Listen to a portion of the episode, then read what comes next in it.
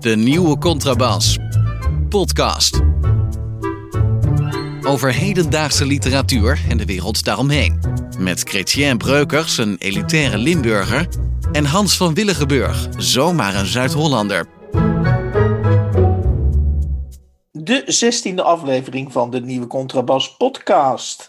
Ehm, ik mag alvast verklappen dat we verderop in de uitzending een uh, heel bijzondere gast hebben. We hebben namelijk de gast Lise Spit. En uh, voor alle mensen die ooit uh, nog een roman willen schrijven of de ambitie hebben om überhaupt te gaan schrijven, zou ik zeggen: luister naar het interview met Lise Spit, want zij onthult toch best wel hele intieme geheimen over hoe zij een bestseller schrijft. Um, maar alvorens we naar Lise gaan, uh, hebben we eerst wat actualiteit te bespreken. En uh, Chrétien, we kunnen de Libris Literatuurprijs kunnen natuurlijk niet zomaar links laten liggen. Nee, zeker niet. Zeker niet. We hadden weer prachtige beelden van de winnaar, van Jeroen Brouwers. Hè? Die, uh, die uh, met een pijpje in zijn keel uh, ons te woord stond. ik vond het niet het beste boek wat gewonnen heeft, als ik eerlijk moet zijn. De Librisprijs. Dus cliënt E. Busken van Brouwers heeft gewonnen. maar, maar ik vond wel dat het de meest vieve schrijver was die gewonnen had. Ondanks het feit dat hij 80 is en uh, de man met de zij ziet naderen, was die er toch, stond hij er toch nog fris bij, vond ik. Uh. Wat, wat, ik ervan gezien heb, zaten de, de, de echte auteurs, dus de, de, de auteurs zelf, die leidzaam dus afwachten. En waarvan we dus moeten geloven dat ze de uitslag, want anders gebeurt dat wel, waarvan ze de uitslag niet wisten. ik schakelde in vlak voor het moment suprême. En hoewel er inderdaad dertigers, veertigers en vijftigers onder de genomineerden zaten. Um, zagen ze er inderdaad niet, uh, niet, niet levendiger uit dan Jeroen Brouwers. Dat kan nee. ik inderdaad uh, beamen. Sterker nog, het leek een, leidens, het leek een leidensweg voor ze geweest uh, die avond. Ja, dat is volgens mij omdat ze bij de Librisprijs als een van de weinige prijzen niet van tevoren bekendmaken wie het wint. Dus, dus, er, was echt, dus er was sprake van echte spanning. Maar we zijn beide tot de conclusie gekomen dat uh, cliënt E. Busken, hoewel wij, uh, zeker jij en ik in zekere zin ook wel een beetje, uh, Jeroen Brouwers een goed hart toedraagt. Dus ja. daar kunnen we mee leven als winnaar moeten we volgens mij de illusie gaan opgeven dat het, dat het boek is, is, is uh, onderscheiden. Ik denk dat Jeroen Brouwer, dat het meer een afscheidssaluut voor Jeroen Brouwers uh, is geweest. En uh, Kretje, jij hebt zelf in literaire juries gezeten. En ik begrijp van jou dat buiten literaire argumenten eigenlijk bijna altijd zwaarder wegen dan literaire argumenten. Ja, dat denk ik wel. Ik denk bijvoorbeeld dat ik heb zelf, ik kan wel even uit de school klappen, als dat mag. Ja, ik heb graag. zelf twee, twee keer in mijn leven in een literaire jury gezeten. Ja, ook nog eens één keer ergens in een museum samen met Immer Dros. Dat was een soort amateurwedstrijd. Dat was echt vreselijk. Dat was ook mijn kennismaking met Immer Dros was gruwelijk. Maar dat is weer voor een andere keer. Uh, maar twee keer in een echte literaire jury. Eén keer in Roermond voor de Halenwijnprijs. Uh, een prijs voor niet doorgebroken schrijvers. Daar uh, zat ik met twee andere mensen in de jury en ik heb zo lang gedramd. Want die twee mensen hadden mensen genomineerd van wie ze eerlijk toegaven nog nooit iets gelezen te hebben. En ik was toen nog jong, ik was nog eind twintig en idealistisch. En ik heb zo lang gedramd toen, totdat ik de door mij zeer gewaardeerde dichter en toen net proza-schrijver Arjen Duinker kon laten winnen. Dat heb ik gewoon door te drammen gedaan. Dus dat, is, dat kan. Dat is, heeft niks met literaire argumenten te maken. Op een gegeven moment waren ze mij uh, zo beu, denk ik, dat ze dachten, nou, dan uh, doen we het zo. Maar begrijp ik goed dat, een, dat de jouw mede-juryleden in die Halenwijnprijs uh, uh, zelfs niet de illusie, dat je ons hier de illusie ontneemt dat degene die over de prijs gaan de boeken ook daadwerkelijk gelezen hebben. Ja, ze hebben toen, toen ik eindelijk begon te drammen, hebben ze Duinker gelezen. Maar de auteurs die ze zelf hadden aangedragen, daar hadden ze geen boeken van gelezen. Dus dat was een totale uh, sla en slag in de lucht uh, prijs aan het worden. En dat heb ik eigenlijk voorkomen. Ik, ben dus, ik heb ervoor gezorgd dat dat boek uh, wat bekroond is toch nog gelezen is. Dus dat was toch wel goed. Maar, maar je hebt volgens mij nog een voorbeeld. En misschien, misschien nog, nog... Dat was nog mooier. Nog, ja. nog cynischer. Was, ja, want ik was op een gegeven moment jurylid van de Paul Snoekprijs. Daarvoor moest ik naar Sint-Niklaas. Daar had ik een, kreeg ik een hotelkamer in, in een of ander hotel bij het, in, in, hoe heet die plaats? Tielt of Tien? Nee, nou, Sint-Niklaas, ja, met Sint-Niklaas. En daar moest ik dan in een hotel en dan moest ik allemaal juryberaadslagingen bijwonen. En uh, dat was een Belgische jury met uh, een aantal methoden daar, uh, van de televisie ook en zo. En die wilden allemaal Leonard Nolens bekroond zien, want dat was de grootste Vlaamse dichter, babbelde, babbelde, babbel, enzovoort. En ik had daar geen zin in. Ik had een ontzettende hekel op dat moment aan Nolens en ik vond dat echt een verschrikkelijke dichter. En ik heb zo lang dwars gelegen en gedramd ook en, uh, en zitten zeuren totdat Peter Holvoet Hansen zou winnen. En verdomd, die heeft nog gewonnen ook nog. Maar hoe is, je maakt me nieuwsgierig. Even kort, hoe heb je die mensen overgehaald? Heb je ze dronken gevoerd? Nee, nee, nee, dat gebeurt vanzelf. geweld te gaan gebruiken? Hoe, hoe heb je dat voor elkaar gekregen? Geweld niet, maar ik heb uh, met argumenten omkleed. Uh, althans, uh, ik, je vindt mij oeverloos, Hans. Maar die avonden ben ik echt oeverloos geweest. Ik heb zo lang het woord gevoerd, net zoals Den Uyl vroeger deed tijdens ministerraadsvergaderingen. Zo lang het woord gevoerd tot ze dachten, nou, dat gelul van die breukers, daar moeten we echt vanaf weet je wat, die Hoofd Hans is ook goed, die krijgt die prijs wel, dat is prima.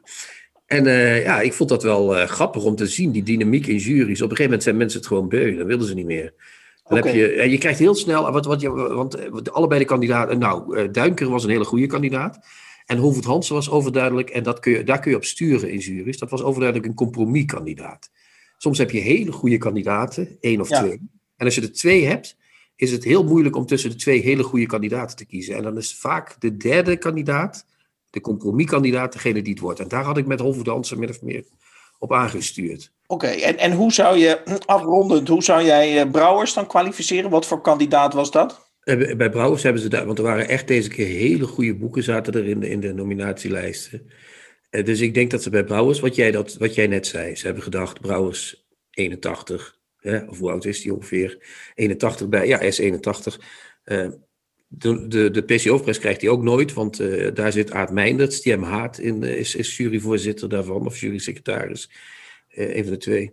Dus die krijgt hij ook nooit. Dus weet je wat, we geven hem nog de Librisprijs. Oké, okay, dus hij was de, in dit geval dus de, de, de seniorenkandidaat? Of ja, de, de... de bekroning van het oeuvre eigenlijk, van, van, van, van Brouwers, van als Brouwers zijn. En terecht, moet ik zeggen. Ik vind hem ja. Nou, heel fijn, dan zijn we, dan zijn we daaruit. Hè? Uh, ja. Tenminste, uh, volgens uh, Breukers en Van Willigenburg is, het, is dit de dynamiek in juries en moeten we, dit, moeten we de onderscheiding van brouwers op deze manier duiden? Ja, ik hoop dat ik nog vaak word gevraagd voor juries. Ze weten nu wat ze aan me hebben. ik ben beschikbaar. Nou, jij zit in de, in de bekentennissfeer, uh, Kretje. heel fijn. Hè? Al die onthullingen zo in een, in een kort tijdsbestek. Eh, het, het, het, het, is wat, ik, ik, moet er even van herstellen. Maar ik heb zelf ook een bekentenis te doen. Ik heb namelijk stiekem, een klein beetje stiekem, uh, omdat jij natuurlijk mij uh, met die rubriek de Tommy heb je me toch aangestoken. En heb ik ah. op een onbewaakt moment heb ik de podcast, de Bezige Bij podcast, de bekende uitgeverij die dus een eigen podcast ook maakt. Uh, die, die literaire podcast schieten ook als paddenstoelen uit de grond. En daar is een aflevering in het geheel gewijd aan Tommy Wieringa. Oh ja, ja, ja. die heb ik ook gehoord. Oei, oei, oei, oei. Ja. Uh, en, en, en hij wordt daarin, en ik weet niet of dat een heel uh, slimme combinatie is, maar het is wel een hele, ik zou bijna zeggen, een hele broeierige combinatie. Hij wordt, Tommy Wieringa wordt daarin geïnterviewd door zijn eigen uitgever. En die uh, luistert naar de naam Francine Schuursma. Ja, schitterend, schitterend. Ja, ja, ze en, gaan... uh, ja die vormen de. Het, eh, het, moet mij, het moet mij om, om te beginnen. Nog, we gaan zo direct nog even in over de chemie tussen die twee, tussen die twee personen. chemie, noem het maar rustig. we zijn moonstruck van elkaar, toch? Het is echt, nou ja. ja, ja. Um, wat mij in ieder geval opviel aan, aan Tommy Wieringa is um, dat hij echt excelleert. Iets anders kan ik er echt niet van maken, Chrétien. Ja, nee, hij excelleert. Ja, ja. Of hij nou een zin schrijft in een boek, in een krantenartikel, of het woord voert in een podcast, het komt er allemaal vloeiend uit. Ja, hè, zonder en a's, al, al, dat gezoek wat, al dat gezoek wat ik nog wel, waar, waar ik nog wel eens last van heb. En elke zin die hij uitspraak, uitspreekt, sorry, eh, is een toevoeging, is een rechtstreekse toevoeging aan de mythe Tommy Wieringa. En dan denk ik, wat een beheersing, wat een souplesse. Hè? Als hij voetballer was, dan zou je zeggen, hij is de koning van de breedtepaas. Uh, En misschien zelfs wel van, de, van, de, van het afstandsschot. Hij doet alles uh, met een uh, enorme souplesse. Um, maar uh, met jouw permissie uh, wil ik dan inderdaad even naar de chemie met zijn eigen uitgever uh, gaan. Misschien moeten we ja. daarvoor naar een geluidsfragment. Dat is misschien wel het meest logische. We gaan nu naar het geluidsfragment uit de Bezige bij podcast, waarin Francine Schuursma in gesprek is met haar auteur Tommy Wieringa. Weet je, tot slot van dit gesprek ben je bezig met een nieuwe roman. Nee, dat is, dat is een. Uh, dat, en dat gaat, het gaat zelfs goed. Uh, Nee, ik, ben, ik, sta elke dag uh, op tijd op en ik benut de vroege uren om, om veel te schrijven. En dat gaat, is ik ben het, eindelijk op pad. Dat eindelijk is het tijdstip, hè? S ochtends ja, vroeg nog steeds. is wel het beste. Ja. En uh, ja, dat is begonnen met die kinderen die, die, die zo vroeg wakker werden. En ik kroop steeds dieper de nacht in om daar te schrijven. En, en dat is eigenlijk een, een, geluk bij een ongeluk geweest. Want dat blijken hele mooie, vruchtbare uren te zijn om, uh, om te kunnen werken.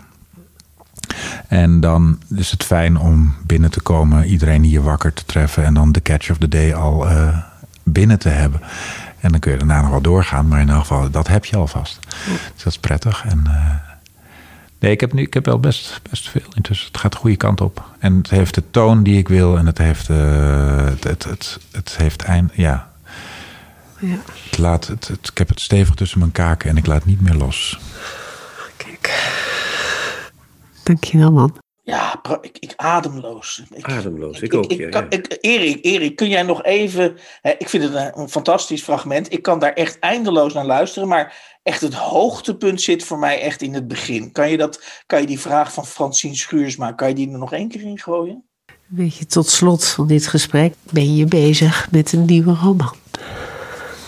Uh, ja, Hans, ik heb het nu ook twee keer gehoord. En ik had het al gehoord trouwens. Maar ik moet zeggen dat ik met. Ik heb ook uitgevers gehad, heel veel. En ook vrouwelijke uitgevers. Maar ik ben nog nooit zo toegesproken als, als, als Tommy door Francine Schuursma hier. Dit is echt. Uh, zullen, we het gewoon, zullen we het gewoon nog. Zullen we jou nog eventjes een, zeg maar een metertje omhoog, een paar, paar inches omhoog gooien? Ja, doe Gaan we nog gewoon één. nog een keer luisteren. Iets, iets wat jou dus niet overkomt, maar Tommy wel. Let op. Ja, Weet je, tot slot van dit gesprek ben je bezig met een nieuwe roman.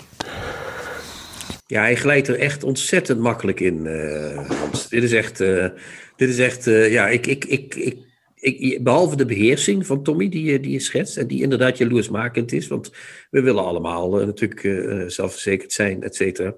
Is dit eh, zo benaderd worden, hè? zo met vaseline bestreken eh, en zo eh, door zwachtelen om, om, omwonden worden. Ja, dat, ik, ik, ik, heb, ik, ik kan ook geen woorden, ik heb geen woorden meer ervoor, Hans. Zeg jij het Maar, maar. denk je, maar denk je echt dat hij dat boek, want hij zegt natuurlijk wel dat hij dat boek gaat afronden, maar je kunt je afvragen, als je zo door je eigen uitgever wordt benaderd, of, of, of, of, of je nog wel een voldoende concentratie kan opbrengen om het inderdaad, Ja, ik zou het inderdaad af te ronden. krijgen, ja, ja, dat, je, niet, dat je niet eerst iets anders gaat doen, iets met je uitgever bijvoorbeeld. Nou, dat lijkt me. Dat kan, maar daar zijn we niet bij geweest. Maar de, de voorbereidingen waren daar natuurlijk. Maar mocht hij dat boek gaan afronden. en mocht dat ook in zo'n beheerste stijl zijn. dan, eh, dan, dan ben ik wel bang voor de aflevering waarin we dit gaan behandelen, dit boek, eh, Hans. Dit wordt ook. eh, ja, dit wordt. Het is al erg en monomaan, het oeuvre van Tommy. maar dan wordt het echt heel ernstig. Wordt het dan. De Black Box. Hoe schrijvers schrijven. Dan is nu het spannende moment aangebroken dat we een heuse succesauteur mogen verwelkomen bij de nieuwe Contrabas podcast. Eh, het is Lise Spit die in 2020 haar tweede succesroman publiceerde, Ik ben er niet. En eh, we hebben haar uitgenodigd in het kader van een geheel nieuwe rubriek, de Black Box. En daarin gaan we ongegeneerd schrijvers doorzagen over hoe zij nou precies schrijven. Welkom Lise. Hallo, goedenavond. Ehm, ja, eh, ehm, we zijn heel benieuwd. Eh, we gaan een nieuwe rubriek maken. Eh, hoe schrijft de schrijver? En jij bent de eerste die bij deze rubriek onze gast is. Ehm, we hebben hiervoor, maar dat gaat later uitgezonden worden, al een gesprek gehad met Delphine Leconte, jou, jou wel bekend, denk ik. En zij heeft hele speciale, eh, kan ik wel zeggen, he- hele speciale slaap- en waakritme. Eh, zij, zij produceert volgens mij op hele ongebruikelijke tijden eh, gaat Mhm. zij schrijven. Ze gaat om zeven uur s'avonds naar bed. Dat is middags, dus eigenlijk. En ze staat om twee uur s'nachts op en dan gaat ze schrijven. Ah, wauw. Ja, dat is wel een goede, een goede methode, vind ik. Ja, het zou ook wat voor jou zijn? Ehm dat s'nachts schrijven wel, maar om zeven uur al gaan slapen niet. Want voor mij zijn mijn avonden eh, ook wel vaak de hoogtepunten van mijn dagen.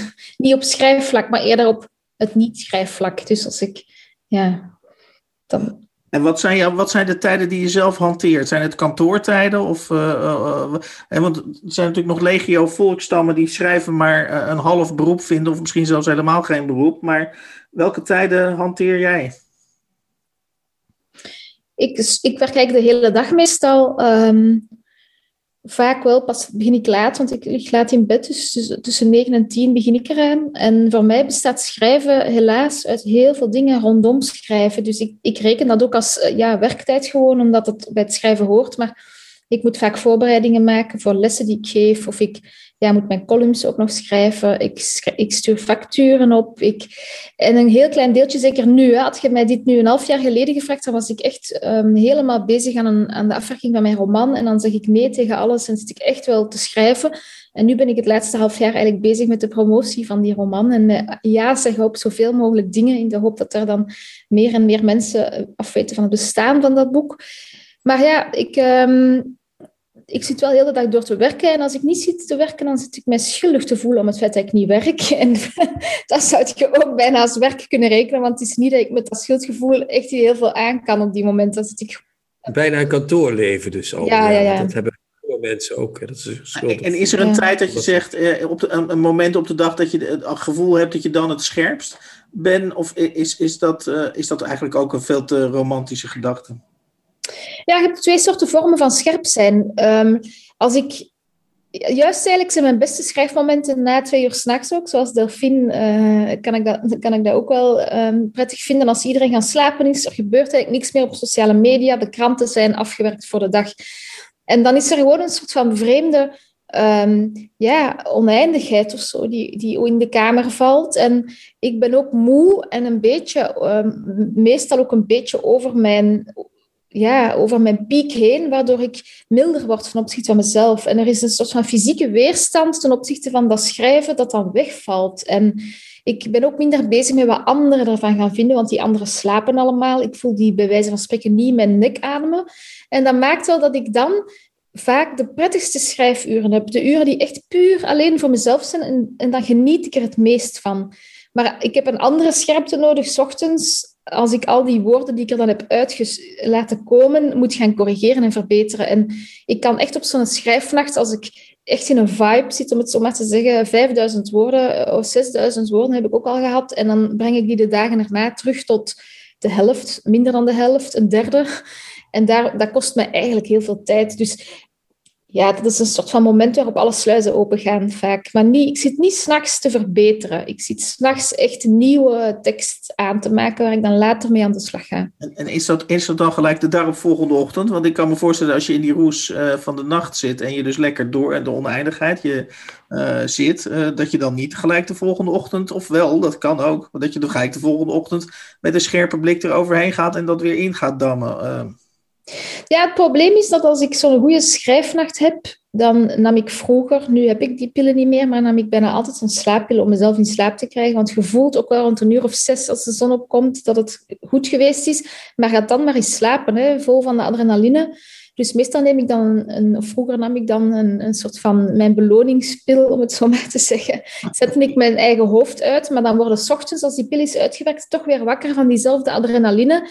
En dat is altijd het moment waarop je gaat kijken wat je eigenlijk gedaan hebt. Alsof het een andere persoon is geweest die s'nachts in uw plaats daar is gaan zitten tokkelen.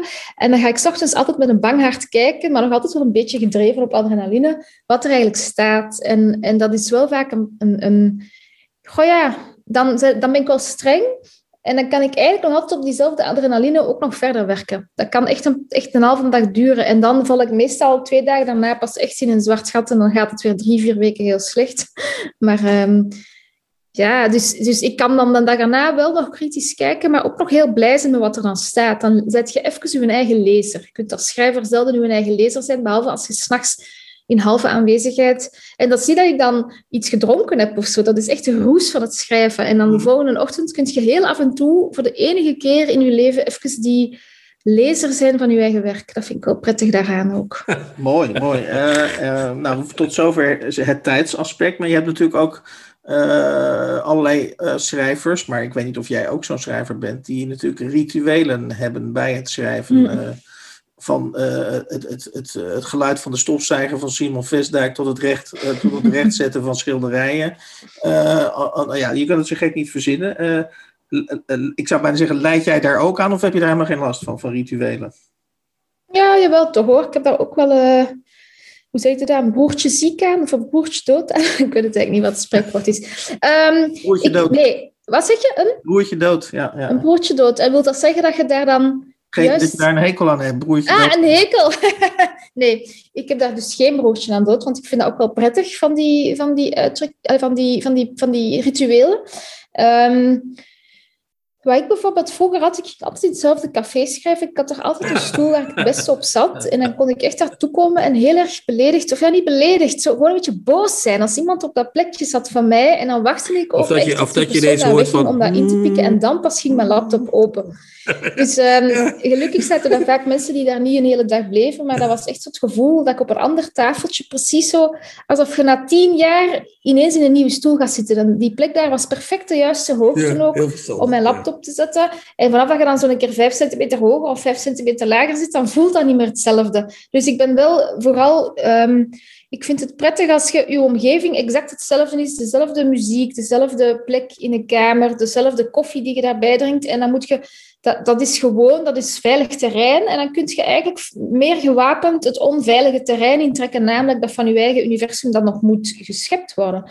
En dat vind ik wel um, ja, echt noodzakelijk is dat voor mij. En een ander noodzakelijk iets is dat er niemand op mijn scherm kan meekijken. Het is, zelfs, het is zelfs zo erg dat ik mij Rob um, de afgelopen weekend in de trein zat en dat ik, heb hem, dat ik hem gevraagd heb of hij op een andere tweezit kon gaan zitten, zodat ik alleen in mijn tweezit zat, omdat ik anders gewoon geblokkeerd ben om te schrijven, omdat ik toch bang ben dat iemand meeleest en dan ziet hoe slecht het is. En. Ja, dat is jammer, ja. ja. ja, maar, Rob weet ook wel dat hij echt niet mag, niet mag lezen op mijn blad als ik nog bezig ben. En mag enkel lezen wat ik echt aan hem doorstuur. En heel soms komt hij achter... Als Rob achter mij komt staan, dan klik ik alles dicht ook. Ik kan daar echt zelfs zo'n Word-document dat open staat. Ik wil echt niet dat iemand... Dat is echt een dagboek, ook al is dat een boek dat bijna gepubliceerd wordt. Hè, maar ik ben daar heel erg um, gevoelig aan. Vooral omdat ik bang ben dat het niet goed genoeg is en dat iemand mij belachelijk gaat vinden, hoor. Want... Um, en... Goh, ja, ik, ik schrijf ook bijna altijd mijn muziek op. En heel vaak als ik aan een boek werk met dezelfde playlist, waardoor die muziek zo samenhangt met dat universum, dat ik dat bijna met een bepaalde knop kan aanzetten. Ik zet die koptelefoon aan en ik duw een knop in en ik ben er weer. Maar het is wel zo jammer dat ik dan mijn lievelingsmuziek luister. En dat ik dan vaak, zeker na het schrijfproces, zoals van Ik ben er niet, van vijf jaar, echt die muziek zo strombeubingen hoort, dat ik die eigenlijk echt jaren daarna niet meer kan beluisteren. En vaak is dat wel mijn lievelingsmuziek. Dus dat vind ik ook wel jammer. Ja, ik luister, ik luister vaak Nick Cave of Leonard Cohen. Zo heel melancholische muziek, dat past eigenlijk wel bij mijn universum. Nou vertelde je net een heel mooi verhaal over het café, uh, maar dat, dat plaats je een beetje in de verleden tijd. Schrijf je nog steeds in cafés of was dat of is dat, ligt dat een beetje achter je? Of is dat voor mij, is dat voor jou ook bij een eventueel volgend boek nog steeds een vruchtbare plek? Ja, dat is zeker een vruchtbare plek, maar het is gewoon niet mogelijk geweest in België sinds vorig jaar maart om op het gemak in een café te gaan zitten schrijven. Want ofwel was alles dicht, Ofwel was er zo weinig plaats over door al die regeltjes dat je echt niet als schrijver vier uur daar kunt zitten en maar drie koffies kunt drinken. Dat wou ik niemand aandoen. en ook mezelf niet, want dan voelt je zo'n stress en dan drink je er zeven koffies in de voormiddag en dan, en dan kun je ook niet meer schrijven. Dus ik heb me dan maar gewoon beperkt tot altijd thuis te zitten. Ik ben verhuisd ook twee jaar geleden, dus eigenlijk was corona ook een heel goede reden om mijn eigen huis om te toveren tot een schrijverskantoor en, die, en mij hier ook echt als schrijver um, goed te gaan voelen.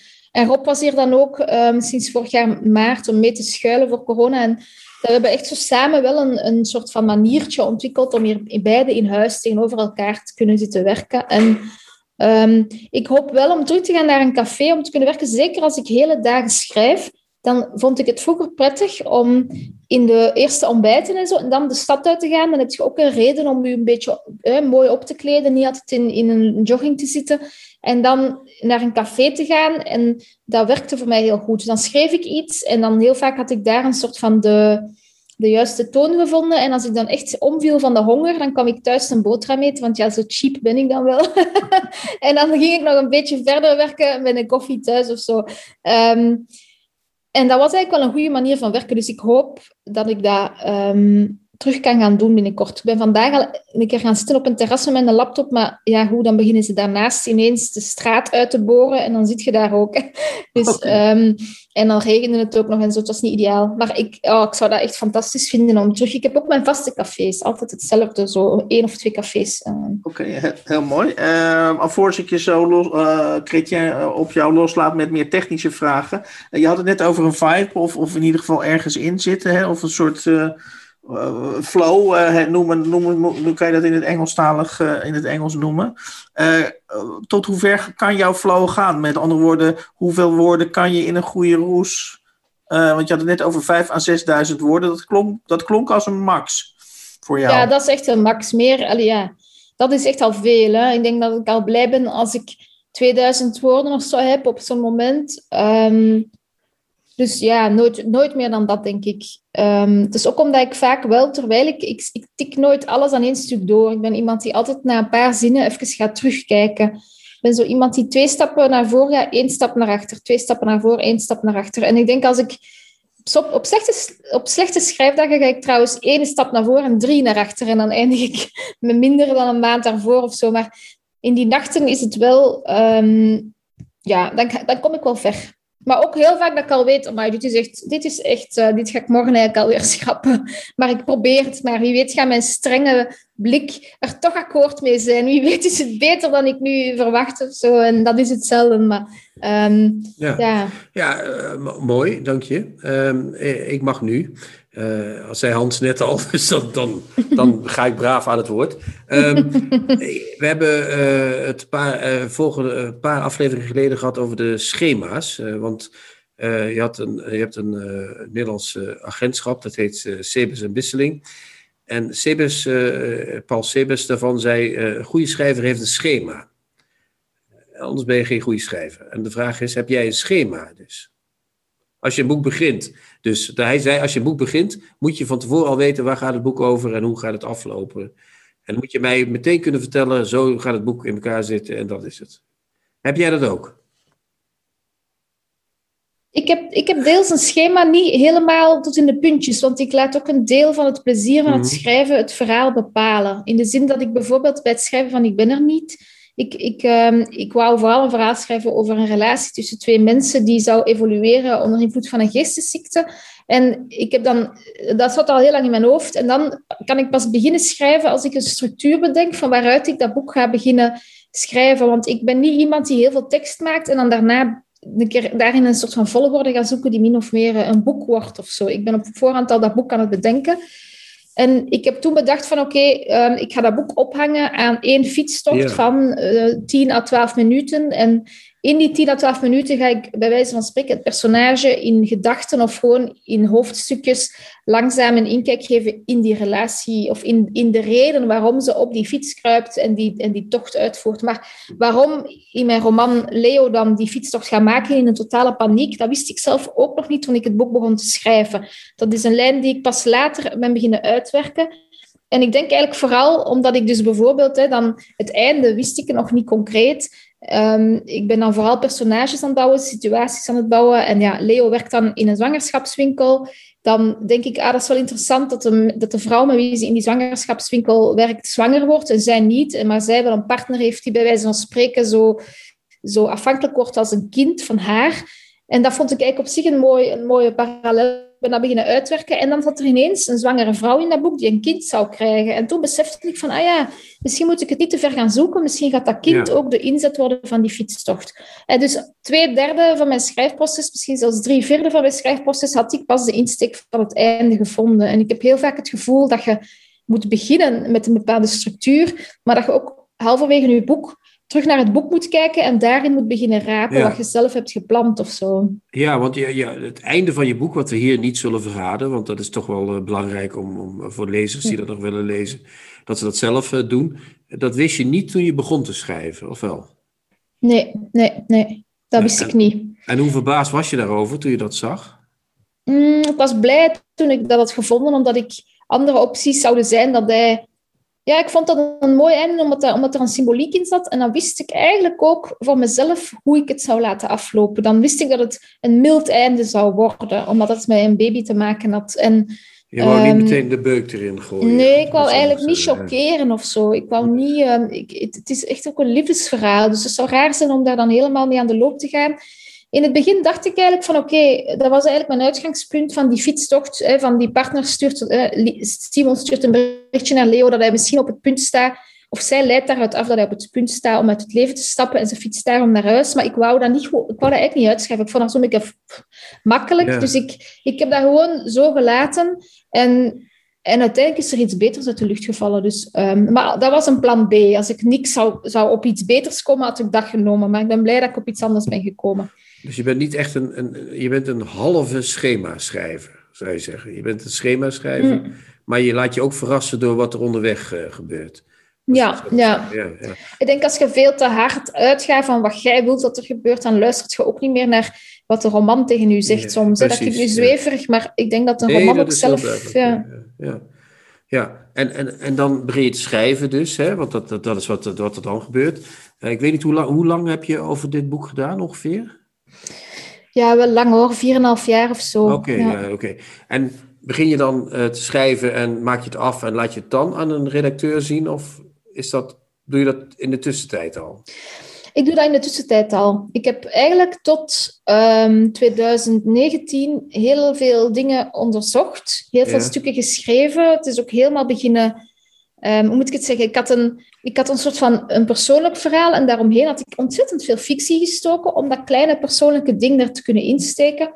En uiteindelijk bleek dat ik aan twee boeken tegelijk aan het werken was. En toen hebben ze op de uitgeverij na anderhalf jaar gezegd van misschien is het nodig om twee verhalen hiervan te maken. En toen heb ik de helft daar weer uitgehaald. Ah, Met als gevolg dat ik Brussel, ehm, ja, dat ik personages dat ik moest verdelen over die twee verhalen dan. Dus ik heb dan, ehm, goh ja, dat is moeilijk om uit te leggen, maar ik had eigenlijk een, rom- een roman waarin het personage van Lotte veel uitgewerkter was. Dus ik heb die Lotte er eigenlijk uitgetrokken. en Lotte is de... Is, je de hebt, eh, vriendin, Leo- precies, ja. je hebt Leo, dat is het hoofdpersonage. En Lotte is de vriendin van Leo, hè? toch? Ja. Ja, ja. En als je, en als je daar dan zeg maar, op, op advies van de uitgeverij zeg maar, van koers, of toch in ieder geval van koers wijzigt, raak je daar dan van door je eh, apropos dat je denkt, jeetje Mina, eh, wat, wat krijg ik nou? Ik ben met twee boeken bezig. Of, eh, of, of, of zie je dat als winst? Of, als, of word je daar juist blij van? Ja, op die moment voelde dat wel als een afscheid, omdat ik dat hele boek opnieuw moest. ehm, ja, ik moest echt twee nieuwe documenten openen en alles gaan verdelen. En dat maakt ook wel dat ik bijvoorbeeld Brussel grotendeels uit dit boek heb weggehaald. Omdat Ja. ik dacht, nee, dat, dat ga in mijn volgende boek een plaats krijgen. Dus hier is Brussel meer een decor dan echt een, een personage geworden. Omdat ik dat allemaal nog wou houden voor later. eh, en er komt dus nog een nieuw boek ook. De, de- jij bent al met een volgend boek bezig wat voortkomt uit dat vorige boek. ja, ja, ik heb wel al heel veel geschreven daarvan. Ja. Maar Maar het is ook wel zo dat ik dus al die stukken had verdeeld en dat het heel moeilijk is geweest om die stukken die dan eigenlijk al klaar waren in die vorige roman nu om te schrijven voor deze nieuwe roman. Dat heeft mij... Soms, eigenlijk zeiden ze bij de uitgeverij, begint gewoon van nul af aan en de dingen die je in deze roman wilt, die gaan er wel nog herinneren en die gaan er wel in komen. Maar ik had daar niet voor het vertrouwen om echt van een wit blad te beginnen, dus ik ben toch beginnen... Ik heb alles in één document gezet en dan begin ik, ben, ik- ben ik beginnen selecteren en daaruit die roman beginnen samenstellen. En dat was een Maar heel het, grote het, goeie, het, goede nieuws, het goede nieuws is dat we dus eh, waarschijnlijk niet weer 4,5 of 5 jaar op een nieuwe Lise Spit hoeven te wachten. Goh ja, waarschijnlijk niet, maar ik kan echt niet beloven dat ik nu snel terug een nieuw boek klaar heb. ik weet het niet. ja, nou, we zullen zien. En anders dan zijn we er pas over vier jaar. Ja, vind ik ook we- prima. Ja. Ik vind vijf jaar trouwens prima. Als schrijvers er allemaal vijf jaar over zouden doen, dan zouden, zouden ze minder concurrentie zijn voor elkaar. zou ik de denk dat je beter, ja, beter om de vijf jaar één boek waar heel lang aan gewerkt is, dan jaarlijks een boek die de lezers zelfs niet meer kunnen blijven volgen. Dus eh, in de beginfase kwam je erachter dat, eh, dat, er twee romans, dat je twee romans aan het schrijven was. Eh, je bent uiteindelijk bij Ik ben er niet uitgekomen. Maar hoeveel redactierondes heeft dat geduurd ongeveer? Ik heb af en toe stukken gestuurd naar Marcia, mijn redactrice. Ik heb bij de uitgeverij een redactrice, Marcia, die, of ja, die nu ook uitgeefster is, die alles meeleest. En dan heb ik Daniel van der Meer, de uitgever, die de eerste lezer is. Dus die weet niks tot ik het boek helemaal af heb en de eerste versie naar hem opstuur. Marcia heeft mij gaandeweg um, heeft die hoofdstukken gelezen. Maar eigenlijk zegt ze altijd, ja, wat je schrijft is altijd goed, maar ik moet het zien in het geheel, want dan pas kan ik echt iets zinnigs over zeggen. Dus wat ik dan doe, is om de maand, om de zoveel tijd aan haar een stukje opsturen, helemaal uit de context, om zo'n klein schouderklopje te krijgen en dan genoeg energie, positieve energie te hebben om weer een kilometertje verder te, te gaan. En dan begint mijn motortje weer te sputteren en dan heb ik weer een bevestiging nodig van nee, je bent goed bezig, doorgaan. En dat heeft ehm, ja, toch wel lang geduurd. Ik heb daar de eerste versie gestuurd in maart vorig jaar. Dus dat wilde zeggen een, een half, ja, iets van een tien maanden voor het uiteindelijk in de winkel lag, heeft zij die eerste versie gelezen. En um, zij heeft het toen ehm, ook naar Daniel, allee, dan, dan kom ik daarna aan Daniel, ze heeft een paar aanpassingen gemaakt bij personages en zo. Ik heb best wel hard moeten werken op de geloofwaardigheid van Leo, waarom ze niet ingrijpt, waarom ze zo lang wacht. En dan heeft uh, Daniel het gelezen en die had op het verhaal... Um, bij het smelt was dat anders. Dat was meteen eigenlijk goed. Dat was weinig aan veranderd. En bij Ik ben er niet had Daniel gewoon het gevoel dat het einde Ehm, dat er net niet genoeg lijntjes samenkwamen die ik had opgebouwd. Dus dan ben ik eigenlijk in de laatste drie, vier weken voor de roman naar de, naar de persklaarmaker moest echt nog grote dingen gaan veranderen. Ja, ja maar dat vind ik wel grappig dat je dat zegt. Want ik vind uh, dat uh, uh, Het Smelt is een heel broeierig boek, als je dat zo mag zeggen. Maar dat blijft tot het einde toe een beetje hangen. Als je, mm heel lang duurt dat voordat je echt weet van dit is... En ik ben, ik ben er niet, ben je heel erg uh, dat is echt een heel strak einde. Dat is uh, bijna op de minuut, hè, zoals je ook uh, die fietstocht die op die 10 minuten gaat. Heb je dat, dus dat heb je bewust gedaan, om dat helemaal strak af te zomen. Zo, van, zo ga ik het helemaal, zoals in de kritieken werd gezegd, als een Netflix-serie, wat, wat, wat niet altijd even positief bedoeld was, maar toch positief is. Want die series worden heel goed gemaakt. Dus je hebt het echt helemaal tot in het laatste punt heb je het zitten schrijven, of niet? Ja, eigenlijk wel, ja. Ik heb, die, ik heb die verhalen ook echt goed moeten doseren over de, de hoofdstukken heen, dat het op de juiste moment in elkaar klikte. Ja, En het grote ding dat ik eigenlijk veranderd heb op aanraden van Daniel, was het hele, de hele verhaallijn van het gepest worden. Dat je op het einde, dat heb ik er eigenlijk aan toegevoegd, is dat, um, dat de lezer halverwege de roman door een personage wordt opgebeld, namelijk de vrouw van de, van de libelle, die eigenlijk al iets weggeeft over de of, of waar, waar Simon tot in staat is. En ik heb dan ook toegevoegd dat zij een mailtje heeft gekregen met foto's. En dat je dus als lezer helemaal op het einde die foto's opent samen met Leo en tot de conclusie komt dat hij al die tijd toch deels gelijk heeft gehad. Namelijk, hè, hij is gepest geweest, letterlijk door die jongen. En dat is uitgegroeid tot een heel paranoïde context. Maar het, is wel, het heeft wel echt een klein draadje in, het, in de werkelijkheid. En dat is zo'n ontboezeming bijna. Of zo'n, dat heeft zo'n impact op Leo dat dat... dat, dat ja, dat was belangrijk dat er nog zoiets kleins kwam aan het einde, dat ook nog eens een keer werd omgedraaid. Want die fietstocht was ontzettend rechtlijnig. Hè? En Daniel had eerst het gevoel van, ja, zou ze niet halverwege de roman al moeten aankomen in het huis en dan een andere kant worden opgestuurd omdat hem daar niet is of zo. Ja. Maar ik, ik wou dat heel graag dat, dat ze thuis, dat die confrontatie thuis zou zijn, in die woonkamer waar ze ook jarenlang gelukkig geweest zijn en als koppel dan. Hè. En ik vond die, die, die locatie echt belangrijk, maar daarom is er wel nog een klein twistje gekomen in die, in die rechte lijn naar het einde, waarbij er toch nog dingen van plaats verschuiven. Ja, want als lezer is dat echt verschrikkelijk irritant, als ik dat mag zeggen, op een positieve manier overigens. Want je zit te lezen en dan denk je, nou, schiet eens, mm. fiets door. van, hou niet, eh, maar dat, dat, je moet lezen, want het is, uh, ja, het is echt een uh, gruwelijke verschikking, het einde. Ik word, ik word, heel blij van jouw bijdrage, Lies, omdat wij uh, een tijdje geleden dus met Delphine Leconte hebben gepraat. En die hebben wij tot de bekentenis kunnen verleiden dat zij een luie, luie schrijfster was. wat toch niet veel schrijvers over zichzelf zeggen. En als ik jou zo hoor, dan ben jij alles, alles, alles behalve dan een luie schrijver. ja. ja, dat is denk ik wel waar. Ja. En wat, wat, nu even weer terug naar de techniek. Je hebt dus dat eh, hele verhaal opgeschreven. Je hebt toen, mhm. toen, sorry, dat doe ik niet om. om ja, we gaan uh, langzaam uh, afronden. Want er beginnen weer allemaal rare rondjes in de lucht getekend te worden. um, maar um, ik heb nog twee vragen. En eigenlijk drie. Mhm. Maar de laatste is een kleine. Nee, ik heb er twee. Nee, ik heb er drie. Maar je, hebt, dus uh, niet zozeer veel geschrapt Maar je hebt veel uh, veranderd hè, in, in de tekst. Je hebt het uh, gewijzigd. Um, um, klopt dat wat ik zeg nu? Of, of, of, want dat is een boek van 570 bladzijden. Dus je hebt niet veel geschrapt, zul je niet hebben. Want het lijkt me dat je niet uh, 1200 bladzijden hebt geschreven voordat je tot deze kwam. Um, heb je nooit gedacht van ik moet het korter maken? Mm, nee. Nee, ik kan me immer dat mensen dat te lang vinden, maar dat is ook vooral omdat er zo'n hoog tempo zit in die spanningslijn. Ik denk dat je romans hebt, als ik de gemiddelde roman die ik hier opslag, gaat twintig keer zo traag, is veel meer beschouwend, is veel meer gericht op de, op de schrijver en niet op het verhaal. Nee, dus ik, dat is ook mijn, mijn manier van vertellen, is met heel veel details. En er staat weinig te veel in. Maar lezers die zien ook niet wanneer iets toch op een bepaalde manier bijdraagt aan een constructie die je toch ook nodig hebt. Heel veel is expositie die je, waarvan je niet beseft dat je die eigenlijk nodig hebt om, om het hele personage te kunnen, te kunnen begrijpen. Ik heb dat, ik heb dat altijd, als ik het doorstuur, Daniel kreeg mijn, mijn manuscript en die, die zei van ja, we gaan er wel echt nog wat uithalen. En dan krijgt hij de kans, dan krijgt het manuscript. En ik ben daarin heel, um, ja, ik ben heel loyaal en ik, en ik volg heel vaak ook de dingen op die, die aan mij worden voorgesteld.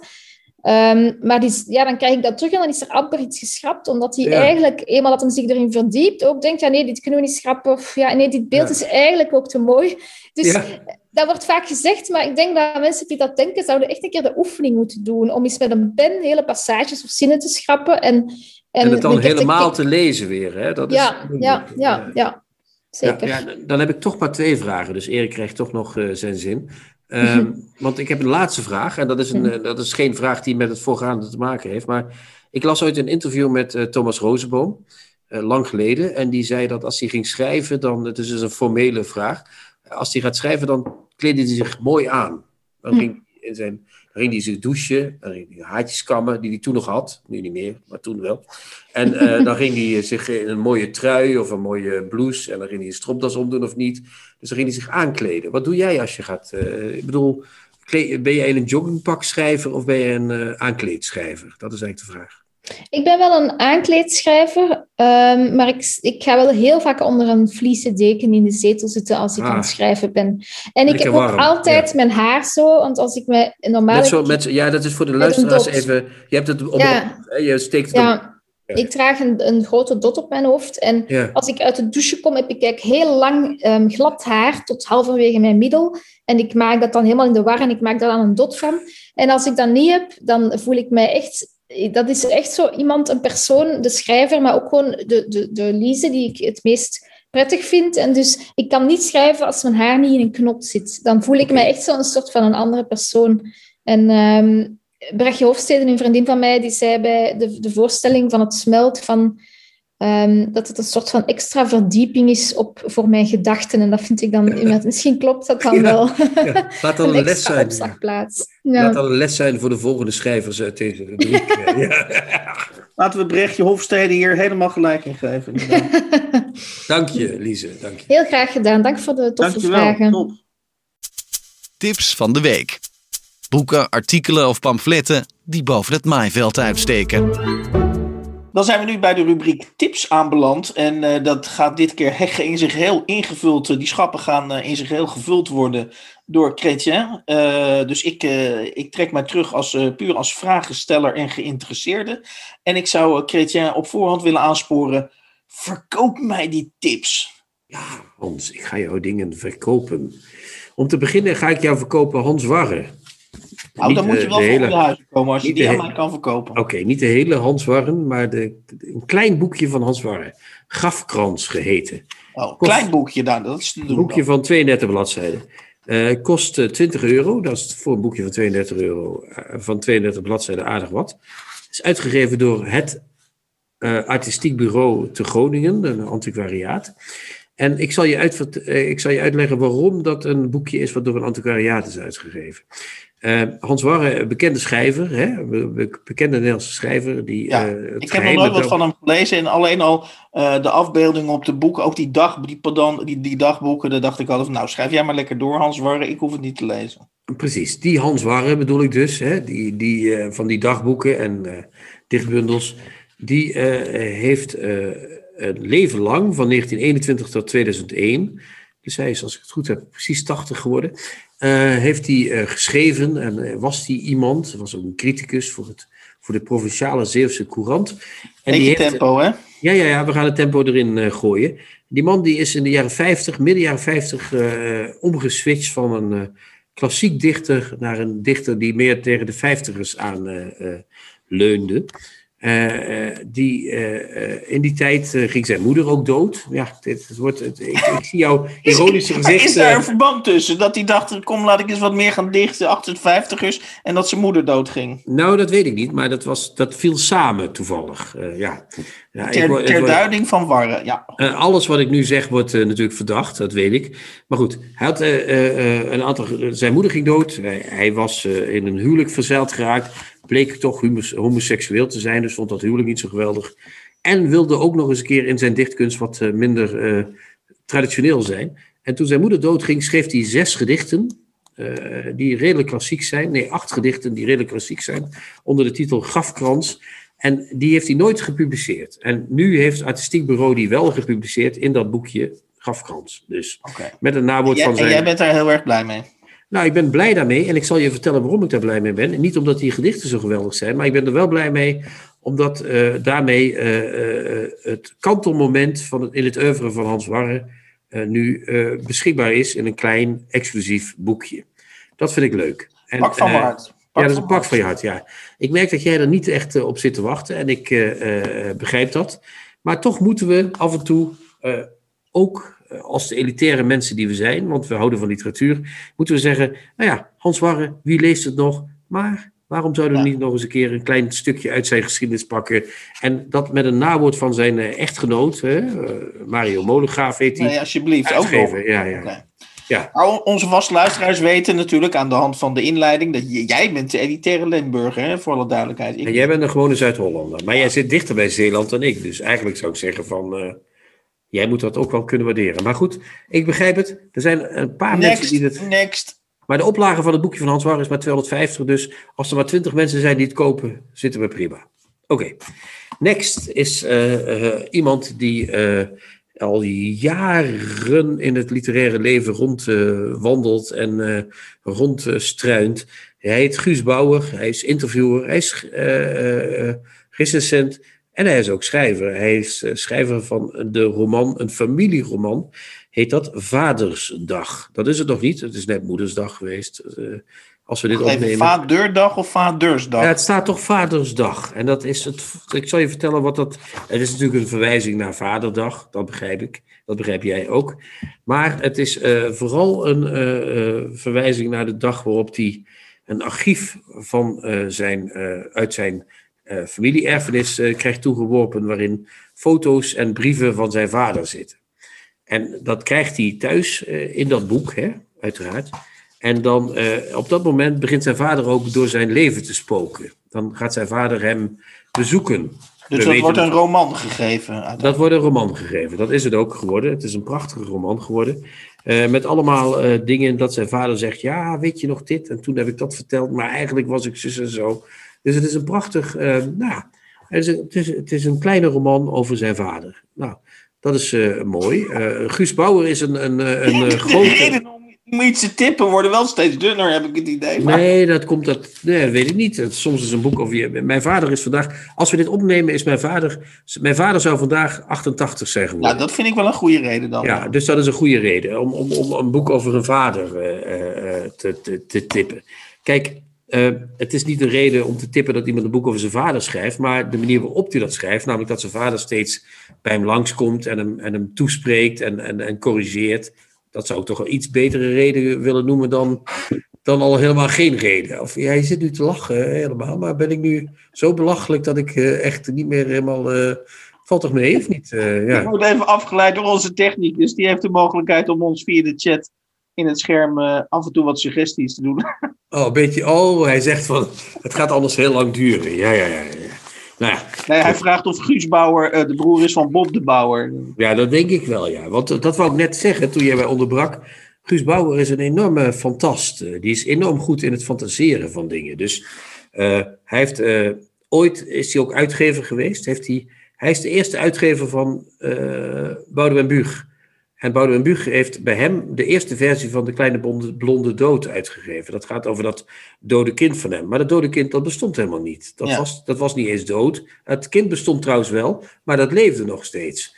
Um, en, als, en als ik concludeer dat, eigenlijk, dat ik meer zit te wachten op een, uh, postume uitgave over de figuur of een biografie over de, de mysterieuze, fantasievolle figuur Guus Bauer, dan dat ik de aandrang voel om een roman van, te lezen, van hem te lezen. Wat zeg jij dan? Dan, dan zeg ik dat je toch eerst de uitingen van de auteur zelf moet lezen. Want uh, Guus Bauer heeft ook daarna bijvoorbeeld een roman geschreven over iemand die heel ziek is en niet meer kan opstaan, alleen maar op bed kan liggen. Bleek ook niet waar te zijn.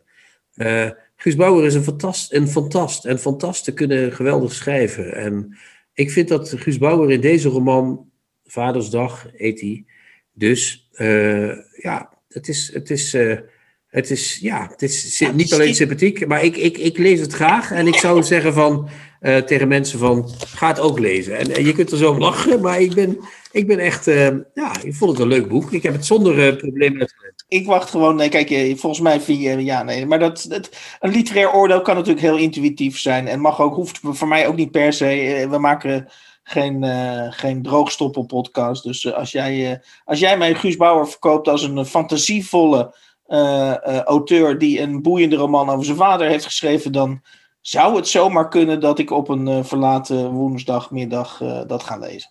Ik ga het je lenen, het boek. En dan zul je zien. Ik ben benieuwd. Dan, dan hebben we het erover. En dan sport, hebben we... sport! Sport, sport, sport, sport, sport, sport. We zijn nu bezig met de Giro d'Italia. Dat is het uh, wielren gebeuren. Uh, de, de ronde van Italië. Die is net begonnen. Maar we zijn er een stuk of vier, vijf etappes op weg. En als dit uitgezonden wordt, iets verder al. Um, bij mijn eigen uitgever Oevers, dat, ik, net zoals jij altijd reclame maakt voor boeken van jouw uitgeverij, kan ik nu één keer uh, dat riposteren met een uh, boek van We mijn doen dat met mate, hè? We doen dat met mate. We doen dat met mate, we doen het met mate. Maar goed, het, soms is het nou eenmaal zoals het is. Uh, bij mijn uitgeverij Oevers is het boek verschenen van een Franse auteur, Paul Fournel. het boek is vertaald door Benjo Masso. Dat is een man die ook in Nederland over wielrennen heeft geschreven. Het boek heet Anquetil Alleen. Een prachtig boek over de wielrenner Jacques Anquetil. De man is maar 53 geworden. Uh, geweldige wielrenner. Ik weet niet of je hem kent, überhaupt. Jawel, dat is, uh, ik zit niet zo in het wielrennen, maar Jacques Anquetil, dat, dat wil natuurlijk alles zeggen over Jacques Anquetil. Als, als ik als niet-wielrenkenner uh, Jacques Anquetil voor, mij, voor mij zelfs een begrip is, dan betekent dat Jacques Anquetil binnen het wielrennen wel een, een meneer moet zijn. Oké, okay, ja, dat was hij ook. Hij heeft vijf keer de Tour de France gewonnen. Toch. Hè? Wij, Net als Bernard gaan, Hinault, toch? Net als Bernard Hinault en Eddy Merckx natuurlijk. Wij gaan en, en, en Indurain. En uh, hoe heet die? Uh, die Amerikaan heeft hem Weet je het allemaal zeker dat dat vijf keer was? Anders krijgen we lezerspost. Hoor. Ik weet het heel zeker, ja. In Durijn ook vijf keer.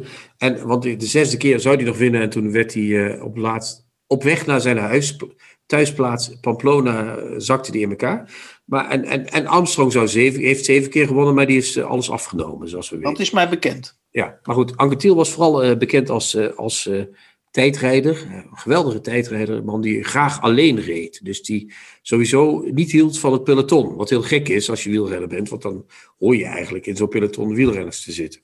Nou, die Fournel heeft een prachtig boek geschreven, werkelijk echt geweldig boek over, over die Anquetil, waarin hij hem uh, neerzet als een eenzame held, wat, wat, wat uh, fantastisch is. En ook iemand die,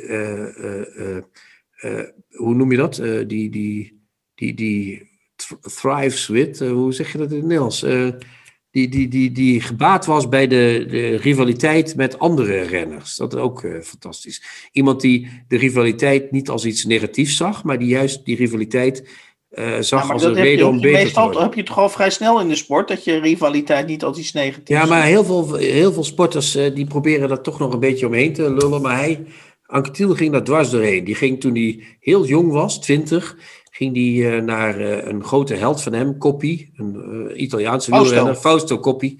En ging die heen en Coppi zei tegen hem van, jij mag in mijn ploeg komen fietsen, ik zal je alles leren. En Anquetil zei, nee, ik ga niet bij jou fietsen, ik ga het zelf doen. Dus die was al meteen van, oké, okay, ik kreeg een kans, maar ik hoef die kans niet, ik ga zelf iets worden. Maar dus ik ben ten volle bereid onmiddellijk te accepteren dat, uh, dat Anquetil een eigen gerijde, unieke, eenmalige wielrenner was. Maar waarom is dit boek dan zo'n prachtig boek over, die, over die wielrenner. En dat heeft te maken met de manier waarop die uh, Fournel hem beschrijft. Dus dat, als het over die eenzaamheid gaat bijvoorbeeld, dan zegt hij, voor Anquetil speelt het essentiële zich af in eenzaamheid. Hij houdt niet van massale races, hij houdt er niet van om bekeken te worden. Zijn tegenstanders zijn er om verslagen te worden. Ze zijn er niet om ze te leren kennen of om met ze te spelen. Zijn ploeggenoten zijn aan het werk om hem te laten winnen en hun brood te verdienen. Verder niets. Nou, dat is al prachtig, toch? Dat is, dat is echt een, een, een, een, neerzetten van een eenzame held. Die, die, die, die, die niet uh, zomaar. Uh, maar ik, ik, moet me dus voorstellen dat Jacques Anquetil, als liefhebber van tijd, tijdrijden, die, dus dus met, met tegenzin ging hij dan de berg op in dat peloton. En dan dacht hij, nou, over drie dagen is het gelukkig weer een tijdrit. En dan ga ik ze allemaal naar huis rijden. Ja, dat niet alleen, want tijdens die uh, ritten was hij ook uh, wel echt, uh, hoe zeg je dat? Was die Jacques Anquetil? Dan was die Jacques Anquetil, want dan ging hij ook echt, hij, hij, hij, dat schrijft die Fournel ook heel mooi, maar dat heb ik hier nu geen citaat van bij de hand.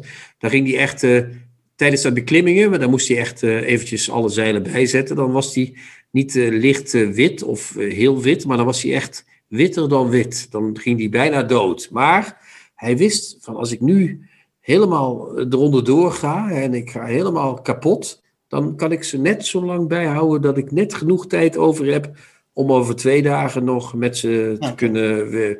Dus dat vechten zat hem. Het was niet. Het was geen behaagzieke wielrenner, maar het was echt. En zo beschrijft hij dat ook prachtig.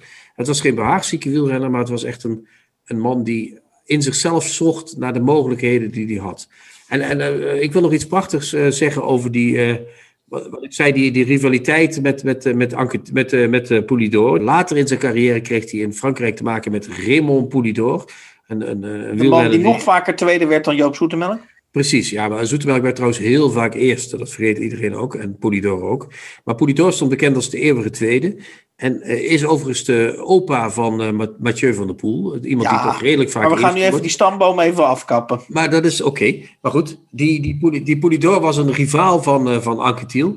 En dat zijn prachtige verhalen daarover. Want Anquetil had meteen door van die Poulidor, die is wat. Daar moet ik mee opletten, want dat is een rivaal van mij.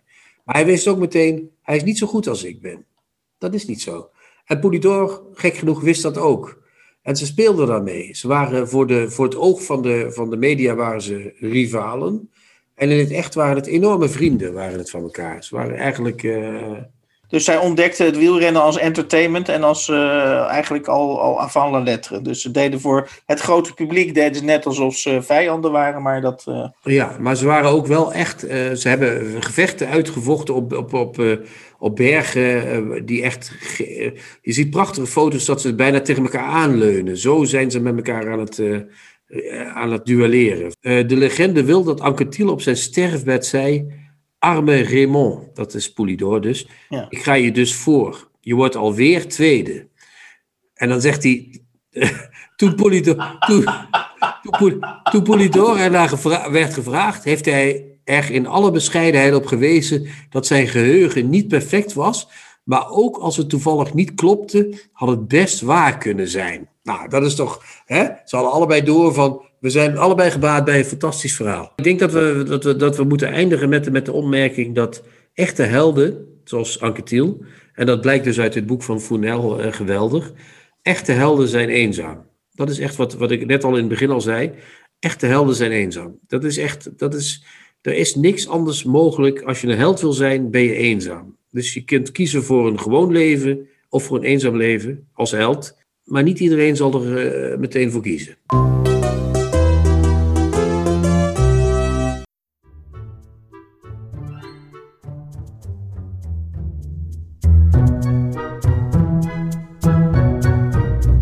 De nieuwe Contrabas. Podcast. Zoals u van ons gewend bent, uh, gaan we even alle boeken doornemen die we in deze aflevering van de podcast besproken hebben. Dat zijn achtereenvolgens Grafkrans, acht gedichten uh, bezorgd door um, echtgenoot Mario Molegaaf, uh, Grafkrans van Hans Warren.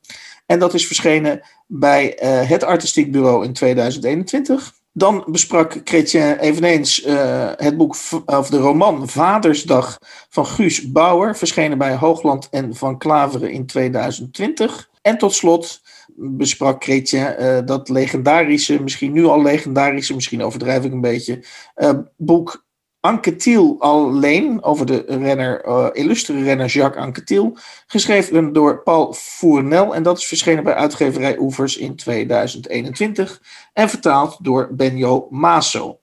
En dan hadden we een heel mooi en uh, schuine streep uitgebreid gesprek met Lise Spit over het schrijven van haar succesroman, mogen we gerust zeggen. Ik ben er niet, uh, verschenen bij Das Mag in 2020. Wil je reageren op, de, op deze podcast? Dan kun je uh, een mailtje sturen naar ons via podcast.denieuwecontrabas.blog. Ik herhaal podcast.denieuwecontrabas.blog. Tot volgende week. De nieuwe Contrabas podcast wordt gemaakt door Chrétien Breukers, Hans van Willigenburg en Erik Lindenburg.